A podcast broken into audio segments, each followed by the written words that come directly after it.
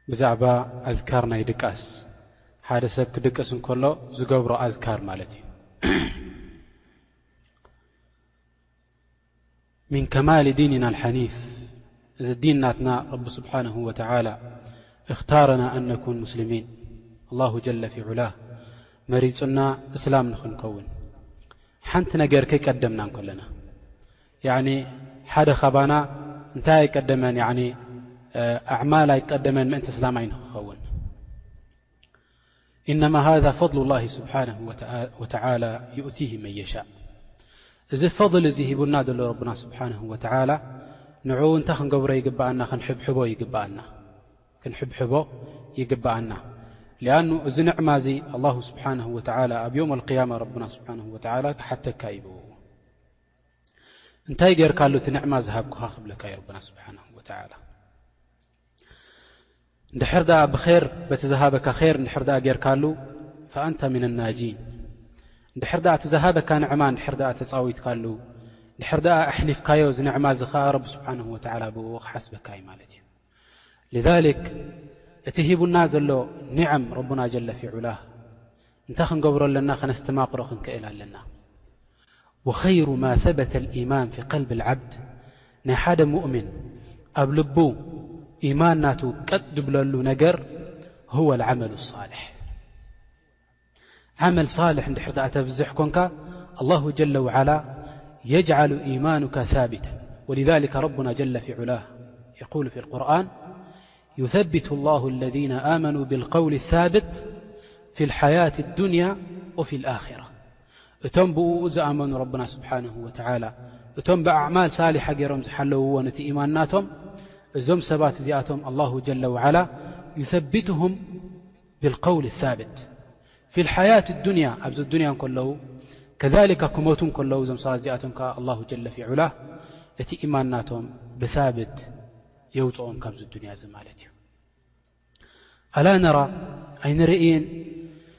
ሕርሲ ሳልሒን ኣብ ሱነት ነቢ ለ ሰላት ወሰላም ኣነቢ ለ ሰላት ወሰላም ሓደ ሰብ እንድሕር ድኣ ክመውት ደልዩ እንታይ ይብልዎ ነይሮም ሓታ ነቲ የሁዲ ዝነበረ ኣነቢ ለ ሰላት ወሰላም ከይዶሞ ንገዝኡ ገዝኡ ኣትዮም ኢሎሞ ኣነቢ ለ ሰላት ወሰላም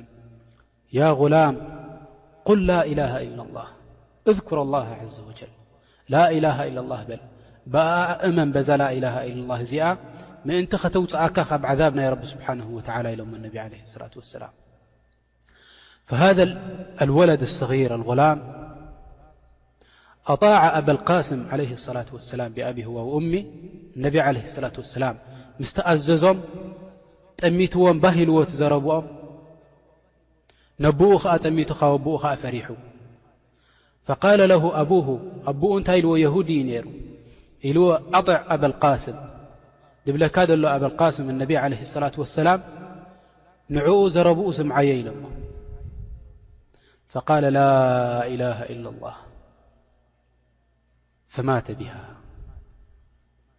ላኢላሃ ኢላላህ ኢሉ ሞይቱ ነቢ ዓለይህ ሰላት ወሰላም ፈሪሐ ፈርሐን ዓዚመን ካብቲ ገዛ እንዳወፁ እንከለዉ እንታይ እንዳበሉ ወፅኦም ኣልሓምዱልላህ ለذ ኣንቀዘሁ ብ ምና ናር ኣልሓምዱልላህ ረቢሲ እንኳዓ ኣብ ኢደይ ኣውፅኦ ንዝሰብ እዙ ካብ ናር ጀሃንም ኢሉ ማለት እዩ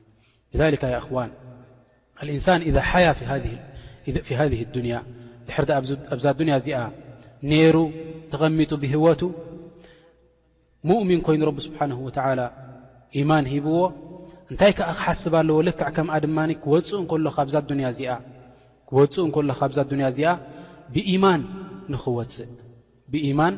ንኽወጽእ ንምንታይ እንድሕር ደኣ ሙእሚን ኮይኑ ደይወጽዩ ካብ ዓዛብ ናይ ጀሃነም ናይ ረቢ ስብሓንሁ ወተዓላ ነጻ ኣይውጽእን እዩ ማለት እዩ ወምን መዛን ሃዘ ልኣምር ናይዚ ነገር እዚ ኸዓ ንሞት ድመስል ነገር ኣሎ እንድሕር ደኣ ተባሂሉ እንታይ እዩ ኣነውም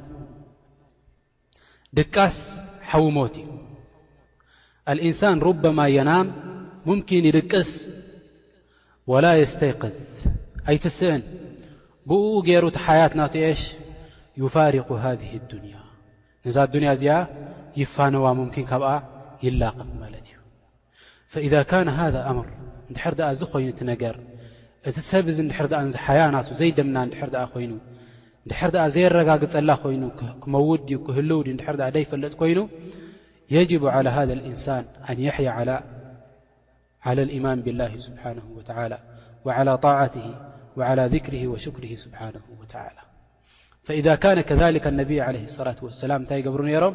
ክድቅሱ ከለዉ እዚ ኣዝካር እዚ ሕጂ ንጠቕሶ ንዕኡ ኢሎም ይድቅሱ ነይሮም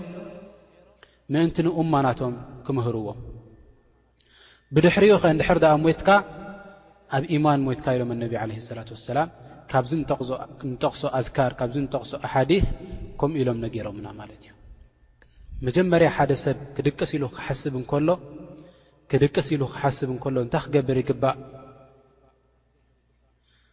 ኣብቲ ፍራሽ ናቱ ምስ ደየበ የጅማዕ ከፈይሂ የጅማዕ ከፈይሂ እንታይ ይገብር ንዚ ኢዱ ከምዚ ገይሩ ይእክቦ ልክዕ ከምዚ ዱዓ ክንገብር እንከለና ኢድና ከምዚ ገርና ሓፍ ነብሎ ንእክቦ ከምዛ ናይ ዱዓ ከምኣ ገይሩ ኢዱ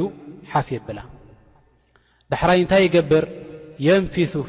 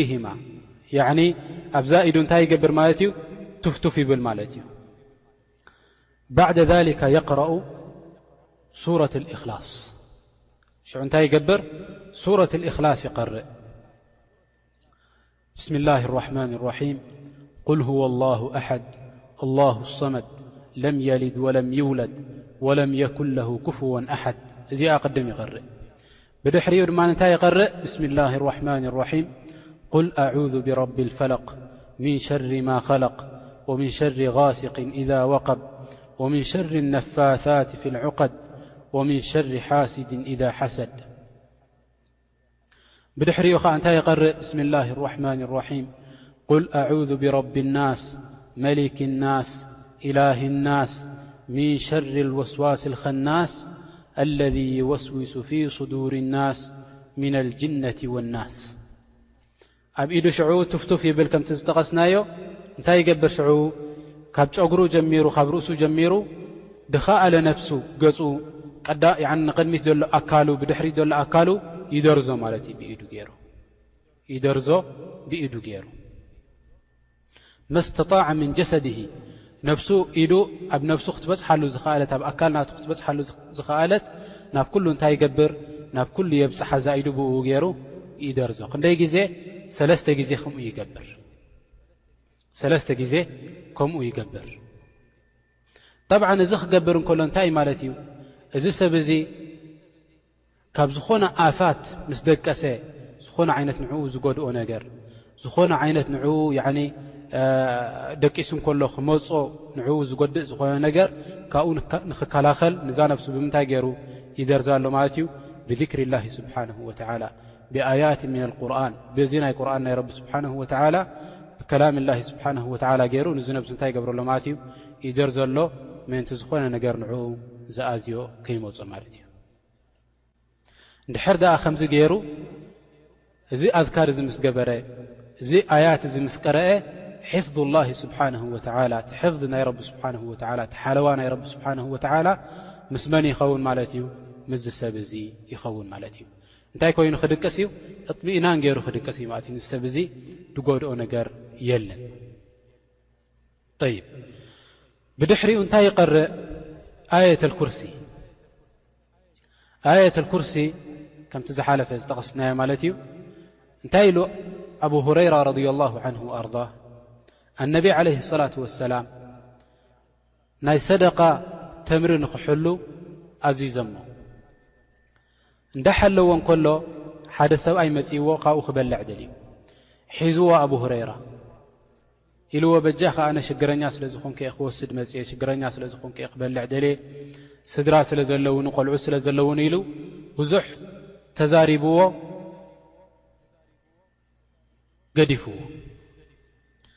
ኣነቢ ዓለይሂ ሰላት ወሰላም ንጽባሒታይ ኢሎሞ ንኣቡ ሁረይራ ረድየላሁ ዓንሁ ኣርዳህ ያ ኣባ ሁረይራ ማ ፈዓለ ኣሲሩካ ኣልባሪሓ እቲ ዝሓዝካዮ ትማሊ ሰብኣይሲ እንታይ ኮይኑ እንታይ ገይሩካ እንታይ ኢሉካ ኢሎም ተዛሪቦሞ ነቢ ዓለ ሰላት ወሰላም ኢልዎም ወላሂ ብዙሕ ተዛሪቡኒ ሽግረኛ እየ ከምዚእየ ከምዚእየ ስለ ዝበለኒ ገዲፈየ ኢልዎም እነቢ ዓለ ሰላት ወሰላም ፈቃል እነቢ ዓለ ሰላት ወሰላም ኣማ እነሁ ሰየዑድ ክምለሰካ እዩ ኢሎሞ እነቢ ዓለ ሰላት ወሰላም ንጽባሒታ ከኣ ልክዕ ከምኣ ገይሩ ድማ መጺኡ ክወስድ እንከሎ ጠብዓ እንታይ ገይሩ ኣቡ ሁረይራ ነቢ ዓለ ሰላት ወሰላም ስለ ተዛረቡ ወነቢ ዓለህ ሰላት ወሰላም ላ የንጢቁ ዓኒ ልሃዋ ያዕኒ ካብ ሓንጎሎም ስለ ዘየምጽኡ ነቢ ዓለ ሰላት ወሰላም ካብ ዋሒ ካብቲ ረቢ ስብሓንሁ ወትዓላ ዘውረደሎም ፍልጠት ስለ ዝዛረቡ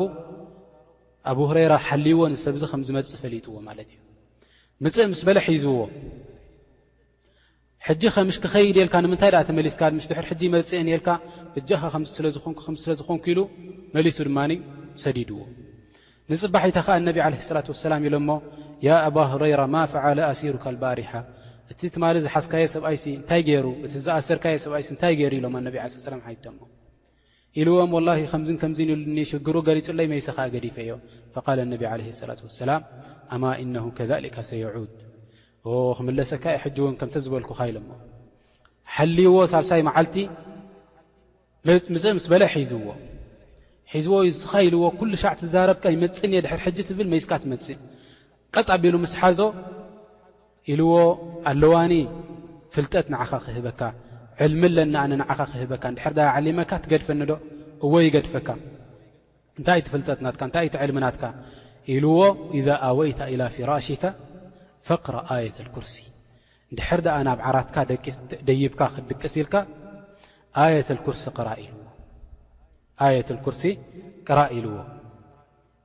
እንድሕር ደኣ ከምኣ ጌርካ ቀሪእካ ኢልዎ ፈኢነሁ ላ የዛሉ ዓለይካ ምና ላ ሓፊظ ላ ኣክበር ረቢ ስብሓነሁ ወተላ ንዛኣያ እዚኣ እንድሕር ኣ ቀሪእካያ ሓላዊ ሰደልካ ክሳብ ንግሆ ትትስእ እዚ ሓላዊ ምሳኻ ኸውን ኢሉ ማለት እዩ ዳሕራይ ናብ ነቢ ዓለ ሰላት ወሰላም ከይዱ ኣነቢ ዓለ ሰላት ወሰላም ኢሎ ሞ ያ ኣባ ሁረይራ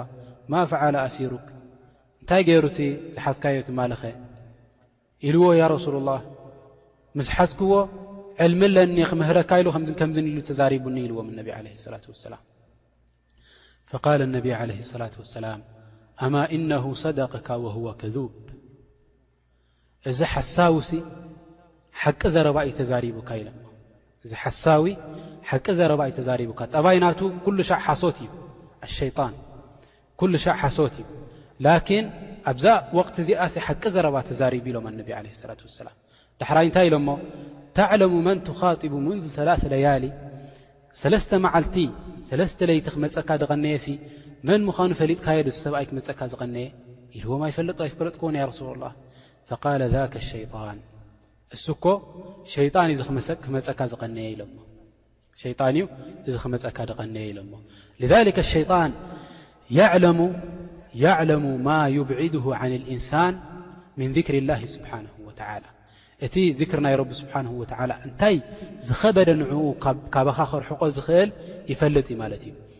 እቲ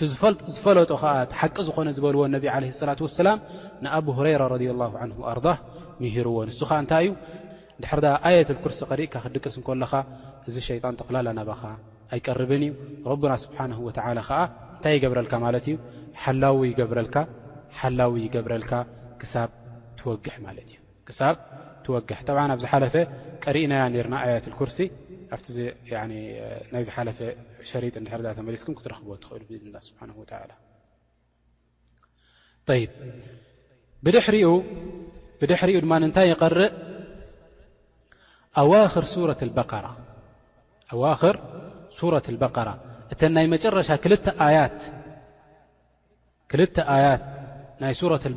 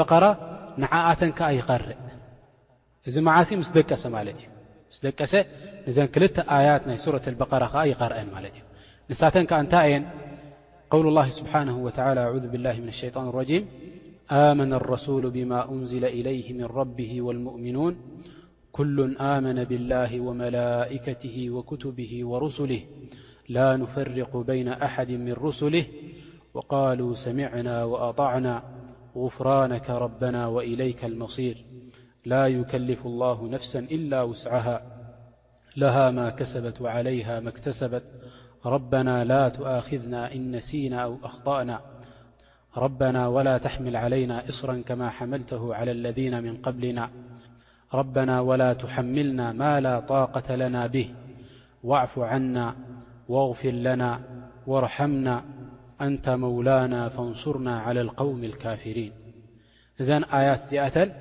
ይቐርኣን ማለት እዩ። እዘን ኣያት እዚኣተን ይቐርኣን። ጠብዓን እዘን ኣያት እዚኣተን እንድሕር ደኣ ቀሪእወን ኣነቢ ዓለይሂ ሰላቱ ወሰላም እንታይ ኢሎሞ እንታይ ኢሎምና ማለት እዮም ከፈታሁ ኢሎም መን ቀረኣ ኣየተይን ምን ኣኸር ሱረት ኣልበቀራ ፊ ለይለቲን ከፈታሁ ኢሎም ኣነቢ ዓለይሂ ሰላቱ ወሰላም ክድቅስ እንከሎ ሓደ ሰብ ምሸት ክድቅስ እንከሎ ክልተ ኣያት ተን ኣኸር ናይ ሱረት ልበቀራ እንድሕር ድኣ ቀሪእወን እዚኣተን ይኣኽልኦ ኢሎም ማለት እዮም ካብ ምንታይ ይኣኽልኦ ሚን ኩል ኣፋት ካብ ኩሉ ኣፋት ካብ ኩሉ ንዕኡ ከጉድለሉ ዝኽእል ካብ ኩሉ ንዕኡ ክኣዝዮ ዝኽእል ያዕኒ ሓታ ካብ ጣዓት ኢሎም ገለ ዑለማ ድሕር ድኣ ውሑድ ጣዓት ኣለካ ኮይኑ እዚኣተን እንታይ ክገብረልካ ክእላ ክክምላልካ ይክእላ ማለት እዩ ክክምላልካ ይክእላ ማለት እዩ እዘን ኣያት እዚኣተን ዓጂብ ዝኾና ኣያት እየን ሓደ ሰብ እንታይ ክገብር ኣለዎ ያኒ ክገድፈን ኣይግብኦን ማለት እዩ ከሊካ ብድሕሪኡ እንታይ ይገብር የቅራእ ሱረት ኣልካፊሩን ሱረት ኣልካፊሩን ቁል ያ ኣዩሃ ኣልካፊሩን ንዓኣ ይቀርኣ ማለት እዩ ነዛ ኣያት እዚኣ ከኣ ይቐርኣ ነቢ ዓለይሂ ሰላቱ ወሰላም እንድሕር ደኣ ንዓኣ ቀሪእካያ ኢሎምና እንታይ ይኸውን ማለት እዩ ሓደ ሰብ እዚ ከኣ በራኣ ምነ ሽርክ ረቢ ስብሓነሁ ወተዓላ እዩ ዝጽሕፈሉ እዚ ሰብ እዚ ካብ ሽርክ ነጻ እዩ ይብሎ ማለት እዩ ረብና ስብሓነሁ ወተዓላ እንድሕር ደኣ ሞይቱ እዚ ሰብ እዚ ካብ ሽርክ ነጻ ኮይኑ ይመውት ኣሎ ሙዋሕድ ብላሂ ስብሓነሁ ወተዓላ ኮይኑ ይመውት ኣሎ ማለት እዩ ብድሕሪኡ ዱዓ ይገብር ጠብዓ ዱዓ ክገብር እንከሎ እንታይ ይብል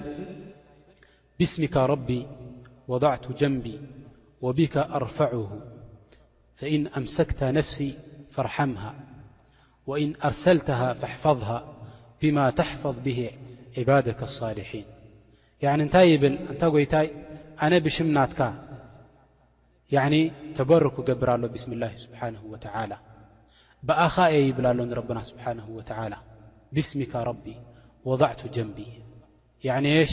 ናባኻ እዕቲማድ ገይረ ናባኻ ተወኩል ገይረ እዛ ጎነይ ኣውዲቀያ ትብል ኣለኻ ማለት እዩ እዛ ጎነይ ኣደቂሰያ ትብሎ ኣለኻ ማለት እዩ ንረብና ስብሓነሁ ወተዓላ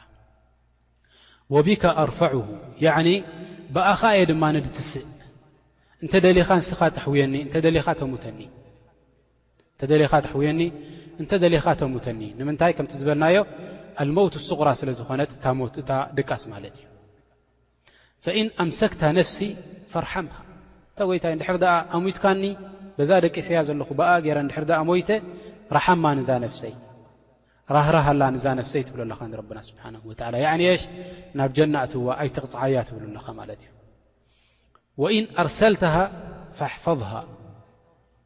እንድሕር ደኣ ፈኒኻኒኸ? እንድሕር ገዲፍካኒኸ? እንድሕር ኣተሲእካኒኸኒ?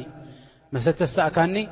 ሕፈዘኒ ትብሎ ንረብና ስብሓነሁ ወተዓላ፣ ሓልወኒ ትብሎ ንረብና ስብሓነሁ ወተዓላ፣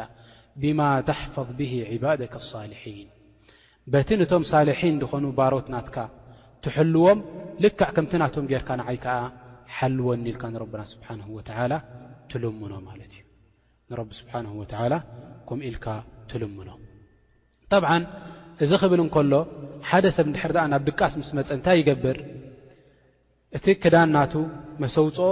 በቲ ክዳን ናቱ ገይሩ እንታይ ይገብር ንቲ ፍርናሽ ናቱ ይነግፎ ማለት እዩ ነቲ ፍርናሽ ናቱ ይነግፎ ምእንቲ ኣብቲ ፍርናሽ ንዕኡ ዝኾነ ነገር ድጎድእ ነገር ከይርከብ ምእንቲ ንዕኡ ንቲ ፍርናሽ ናቱ በቲ ክዳን ናቱ ገሩ ይነግፎ ብድሕሪኡ እዛ ዚክሪ እዚኣ ይብል ማለት እዩ እንድሕር ድኣ ደቂሱ ነሩ ተሲኡ ያኒ ላቀደረ ላህ መሰለን እንድሕር ድኣ ንሓማም ኣትዩ ወይ ዝኾነ ነገር ያኒ ተሲኡ እንድሕር ድኣ ናብ ዓራቱ ክምለስ ኮይኑ ኸዓ ልክዕ ከምኡ እንታይ ይገብር ማለት እዩ ንታ ዓራት ናቱ ይነግፋ ዳሕራይ ክድቅስ እንከሎ እዛ ዚክሪ እዚኣ ድማ ኢልዋ ይድቅስ ማለት እዩ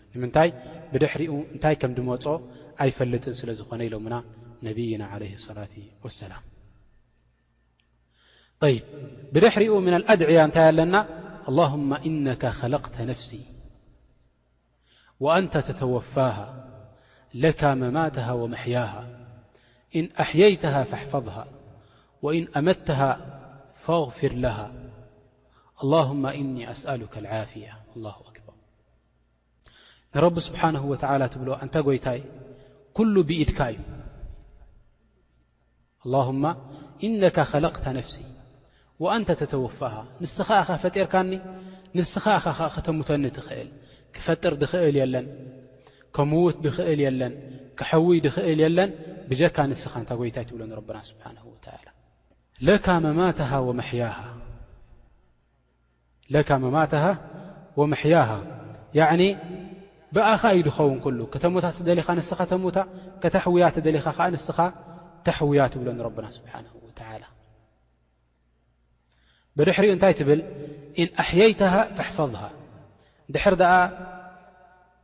ናብ ሂወተይ መሊስካኒ ካብቲ ደቂሰዮ ዝነበርኩ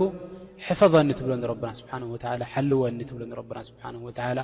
ሓብሕበኒ ትብሎ ንረብና ስብሓነሁ ወተዓላ ወኢን ኣመተሃ ድሕር ደኣ ኣሙትካያ ኸኒ ድሕር ደኣ ወሲድካያ ኸታርውሕ ናተይ ፈግፊር ለሃ መሓራ እንታ ጎይታይ